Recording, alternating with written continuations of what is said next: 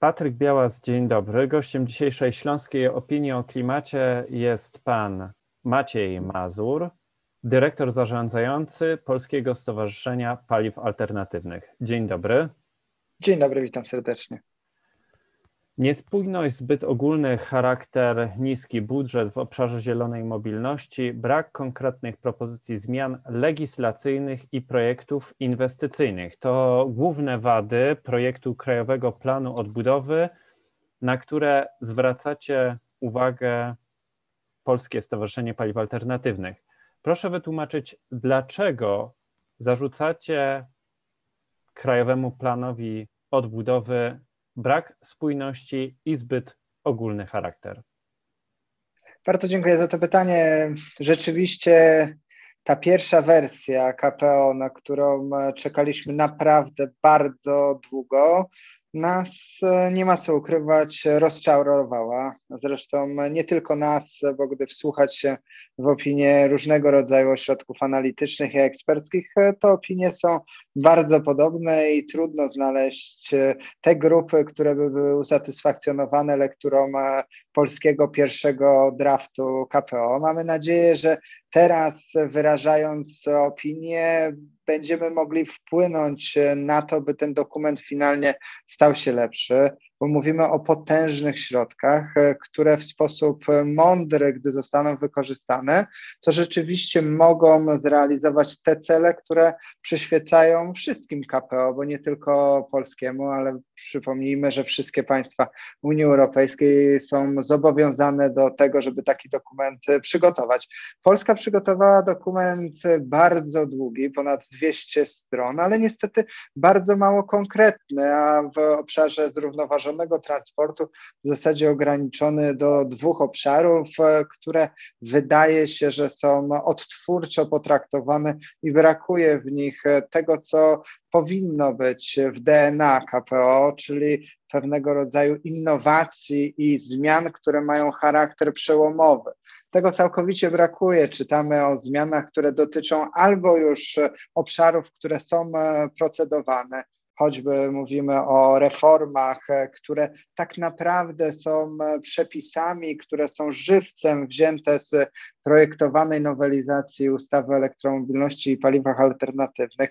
W dużym stopniu są e, również transpozycją dyrektyw europejskich, więc trudno mówić o przełomowym charakterze prawa, które i tak i tak Polska musi implementować. Mówimy wreszcie też o obszarze transportu zbiorowego, który w Polsce jest e, sukcesem w obszarze elektromobilności, ale który się rozwija w sposób e, zdrowy już od wielu lat i wydaje się, że dopisanie go do KPO też nie spełnia tych celów, e, które KPO powinny przyświecać. Gdy porównamy się z innymi dokumentami europejskimi KPO, to okazuje się, że można stworzyć dokumenty dużo krótsze, choćby niemieckie KPO liczy 45 stron i można na tych 45 stronach w dużo bardziej sposób skonkretyzowany zapisać to, co chcemy zrobić. Wspominał Pan o tym, że brakuje innowacyjności, tych przełomowych innowacji, jakie Państwa zdaniem powinny się tam znaleźć e, zapisy, które umożliwiłyby albo przyspieszyłyby wdrożenie w polskim systemie e, transportowym tych przełomowych innowacji w obszarze elektromobilności? Musimy patrzeć na wyzwania związane z transportem w Polsce w sposób e, bardzo szeroki. Z jednej strony są to związania, e, są to wyzwania związane z rozwojem e, rynku zeroemisyjnego. I tutaj mamy pełną świadomość tego, że są obszary, w których sobie dobrze radzimy, i to jest transport zbiorowy. Aczkolwiek pamiętajmy, 500 autobusów elektrycznych na polskich drogach to jest wysoki wynik, e, pierwsza piątka europejska, ale z drugiej strony, gdy spojrzymy na to, ile autobusów e, funkcjonujących w ramach komunikacji miejskiej jeździ po polskich drogach, ponad 12 tysięcy, to okaże się, że jeszcze cały czas jest przed nami bardzo wiele do zrobienia. Jeszcze więcej jest do zrobienia w obszarze transportu osobowego. Samochodów czysto elektrycznych mamy około 10 tysięcy, a samochodów ogółem 20 milionów. Ta sama sytuacja dotyczy sektora transportu ciężkiego czy samochodów dostawczych. Zatem wyzwań jest, jest bardzo wiele, stąd e, należałoby się spodziewać, że w takim dokumencie jak KPO e, obszar zrównoważonego transportu zostanie potraktowany poważnie. Tak jeszcze na pewno nie jest. Czego brakuje? Brakuje praktycznie w każdym obszarze ambitnych reform z jednej strony, z drugiej strony ambitnych inwestycji. Ambitne inwestycje to są choćby inwestycje w obszarze infrastruktury, infrastruktury zarówno związanej z ładowaniem pomiędzy aglomeracjami, ale także w ramach aglomeracji, ładowaniem nie tylko dla samochodów osobowych, ale także dla samochodów e, ciężarowych. Brakuje inwestycji w obszarze elektryfikacji floty w różnych e, kategoriach. W zasadzie tylko e, transport związany z komunikacją zbiorową jest ujęty w ramach KPO. Brakuje też pakietu reform, choćby związanych z stworzeniem tak zwanego systemu bonus-malus. Co to oznacza? System bonus-malus oznacza, że z jednej strony my powinniśmy wspierać te rozwiązania, które są najmniej emisyjne, najmniej trują e, w naszych miastach. Z drugiej strony powinniśmy e, ograniczać e, te pojazdy najbardziej emisyjne, choćby samochody używane, które do Polski przybywają niestety w milionach i nie ma żadnych ograniczeń, jeśli chodzi o ich e, napływ. I to jest obszar malusa, czyli obszar taki, by stworzyć choćby system podatkowy e, zwany w Europie podatkiem choćby emisyjnym, który będzie w pewien sposób ograniczał napływ e, najbardziej emisyjnych pojazdów. Zwróćmy uwagę, że na początku XXI wieku pojazdy, które do nas napływały, miały średnio 8 lat, teraz mają ponad 12 lat, więc my musimy się mierzyć, patrząc na sektor transportu w Polsce, z potężnymi wyzwaniami, e, takimi, że rynek jest bardzo bardzo duży, 20 milionów e, pojazdów. Rynek jest stary, niestety jesteśmy jedną z najstarszych flot w Europie. Jest bardzo e, niski udział rozwiązań zeroemisyjnych. Zatem po pierwsze powinniśmy ograniczać ilość pojazdów, powinniśmy walczyć z wykluczeniem transportowym, powinniśmy e, wspierać także inne pojazdy niż tylko pojazdy osobowe, choćby komunikacja zbiorowa, ale także rowery, Tutaj też elektryfikacja e, wchodzi rewolucyjnie na wiele rynków w postaci rowerów elektrycznych. Powinniśmy także myśleć nad tym, jakie mogą być obszary polskiej specjalizacji, zastanawiać się, jak powinien zostać zmieniony system e, energetyczny w Polsce, żeby on wspierał rozwój samochodów elektrycznych, a nie by samochody elektryczne były dla tego systemu obciążeniem. I to wszystko, o czym mówię, ma miejsce w innych KPO. Oczywiście nie w każdym KPO europejskim mamy dokładnie ten sam zakres e, kwestii, e, które, e, które tam się pojawiają, ale choćby gdy my przeanalizowaliśmy w szczegółach Krajowy Plan Odbudowy słowacki, to się okazuje, że tam pakiet reform jest dużo szerzej zakrojony niż w przypadku polskim. Widać, że jest podejście ambitne, tak samo w obszarze inwestycji. Te inwestycje zarówno odnoszą się do infrastruktury, odnoszą się do floty, odnoszą się do rozwiązań innowacyjnych, e, takich jak choćby smart charging. Zatem mamy takie holistyczne podejście wynikające ze strategicznego myślenia. W przypadku polskiego KPO, naszym zdaniem, po prostu na tym etapie tego zabrakło. Mamy pewien zlepek pomysłów, e, które funkcjonują już w praktyce, jak choćby komunikacja zbiorowa. Spójrzmy, że ten fragment polskiego KPO to jest praktycznie jeden do jednego program Narodowego Funduszu Ochrony Środowiska i Gospodarki Wodnej, e, który zobaczyliśmy w styczniu i który okazał się bardzo dużym sukcesem. Z kolei w obszarze reform, tak jak wspominałem, to głównie są zapisy, które my sami jako organizacja postulowaliśmy, ale które są teraz procedowane w ramach trwającej nowelizacji ustawy o elektromobilności i paliwach alternatywnych. I jedyne, co różni te dwa obszary, to to, że w KPO czytamy, że czas implementacji tych rozwiązań to jest trzeci kwartał 2022, gdy my mamy nadzieję, że te zapisy, te same, zostaną w ramach ustawy o elektromobilności wdrożone w drugim kwartale, ale bieżącego roku, najpóźniej w trzecim kwartale, bo one są po prostu potrzebne polskiej elektromobilności. Więc my namawiamy do tego, żeby jeszcze raz e, pochylić się nad tym obszarem, wy, e, wygenerować e, dużo bardziej ambitne podejście, przeznaczyć większy budżet na obszar zrównoważonego transportu, bo procentowo my przeznaczamy bardzo mało w porównaniu do takich państw jak Francja, jak Niemcy, jak Węgry. Zatem raz jeszcze powinniśmy zweryfikować założenia, zwłaszcza, że jeszcze na to czas mamy. Chciałem dopytać o coś, co mnie szczególnie interesuje, myślę, że też naszych słuchaczy ze Śląska. Wspomniał Pan o polskiej specjalizacji, jeśli chodzi o transport elektryczny.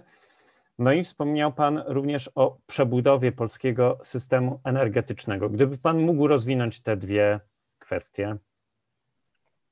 Samochody elektryczne mogą być co do zasady wsparciem systemu elektroenergetycznego, ale tylko wtedy, jeśli e, te dwa obszary będą rozwijane równolegle.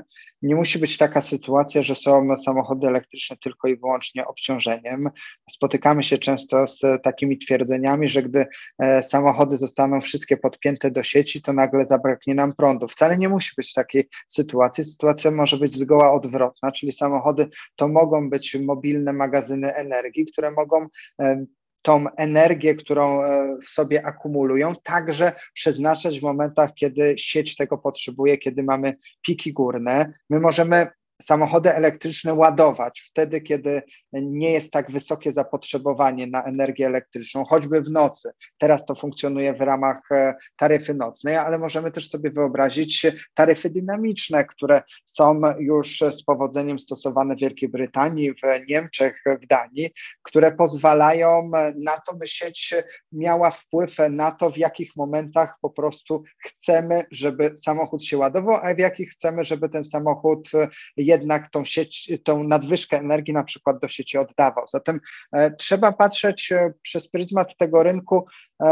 w takich kategoriach, że Teraz mówimy o 10 tysiącach e, samochodów, ale docelowo będziemy mówić o tych setkach e, tysięcy czy nawet milionach. To się nie wydarzy jutro, więc nie ma tutaj takiego ryzyka, że za rok będzie milion samochodów i nie będzie prądu, ale to się wydarzy e, w perspektywie choćby 10 lat. I w perspektywie 10 lat, gdy będziemy mieć lata 30 i będziemy mieć milion samochodów elektrycznych na naszych drogach, to będzie tego, co zrobimy przez to dziesięciolecie, czy to samochody będą wspierały sieć, e, pozwalając ją choćby stabilizować, czy one będą w ramach naszego domowego ekosystemu funkcjonowały we współpracy z fotowoltaiką, czy będą tylko i wyłącznie obciążeniem dla sieci, bo ta będzie niezreformowana, ta będzie nie przechodziła żadnych inwestycji, które pozwolą tą symbiozę stworzyć. I o tym także oczywiście generalnie i e, w pewnego rodzaju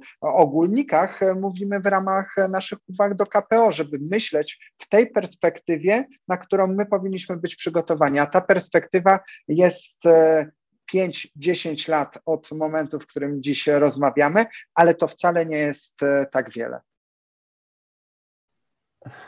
Wrócę do tego pytania o polską specjalizację w elektromobilności. Co Pana zdaniem może być taką polską specjalizacją? Pytam o to dlatego, że przecież na Śląsku mamy dużą koncentrację sektora automotive i może słuchają nas właściciele, dyrektorzy zarządzający e, tymi firmami. Mam nadzieję, że, że tak właśnie jest, że ta polska specjalizacja, którą wydaje się, że już teraz e, możemy w kilku obszarach uchwycić, ona cały czas będzie się jeszcze rozwijała i będziemy mówić nie o jednej, ale o wielu polskich specjalizacjach.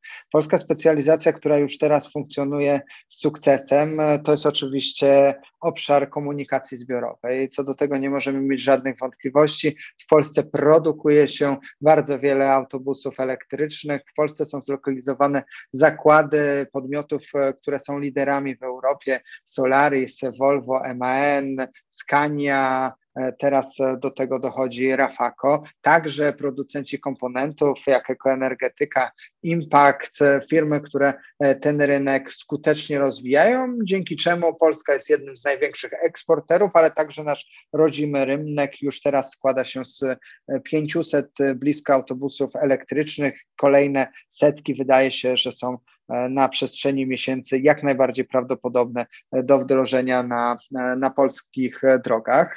Drugi obszar specjalizacji, który już teraz staje się faktem, ale który powinien się jeszcze dynamicznie rozwijać i nasza w tym wszystkich jest rola, żeby ten, ta dynamika nie została w żaden sposób wytracona, to jest obszar baterii litowo-jonowych i całego systemu komponentów związanych z produkcją baterii litowo-jonowych. Już teraz jesteśmy największym europejskim eksporterem baterii litowo-jonowych. To jest produkt eksportowy numer jeden Polski, ale nie patrzmy tylko i wyłącznie przez pryzmat jednego zakładu pod e, Wrocławiem w Kobierzycach ulokowanego. Patrzmy przez pryzmat całego ekosystemu firm, które w tym obszarze powstały. Spójrzmy także przez pryzmat e, tego, jak ten łańcuch jest długi i e, spójrzmy na koniec tego łańcucha, czyli na choćby obszar recyklingu baterii litowo-jonowych, e, który wydaje się, że ma pewien, e, pełen e,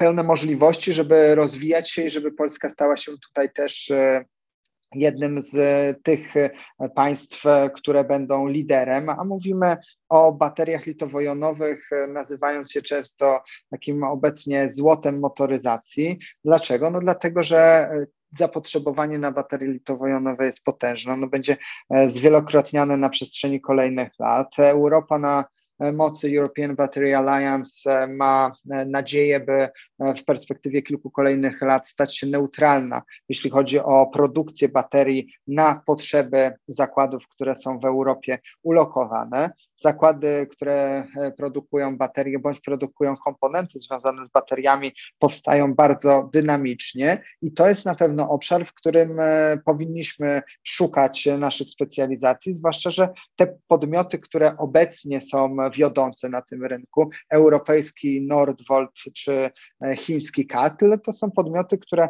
kilka jeszcze lat temu były startupami bądź w ogóle nie istniały. Zatem to jest, to jest obszar, który, który na pewno pewno powinien, powinien także się w Polsce rozwijać. I oczywiście powinniśmy też być e, przygotowani e, na to, że rynek się będzie zmieniał i będąc potężnym graczem w obszarze części motoryzacyjnych, musimy mieć tą świadomość, że ten rynek będzie ewoluował. To nie będzie rewolucja, nie będzie takiej sytuacji, że nagle zakłady produkujące komponenty związane bezpośrednio z motoryzacją konwencjonalną nie będą już nikomu potrzebne. To będzie trwało latami, ale na pewno trzeba już mieć tą świadomość, żeby do tej motoryzacji jutra na polskich drogach, bo to już jest motoryzacja dziś, choćby gdy patrzymy na wyniki rejestracji w Niemczech, e, być dobrze przygotowany.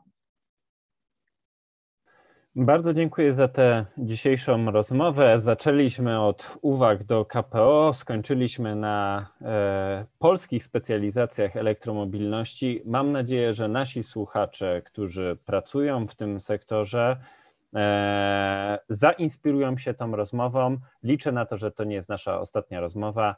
Do zobaczenia, do usłyszenia. Bardzo dziękuję za zaproszenie i do usłyszenia.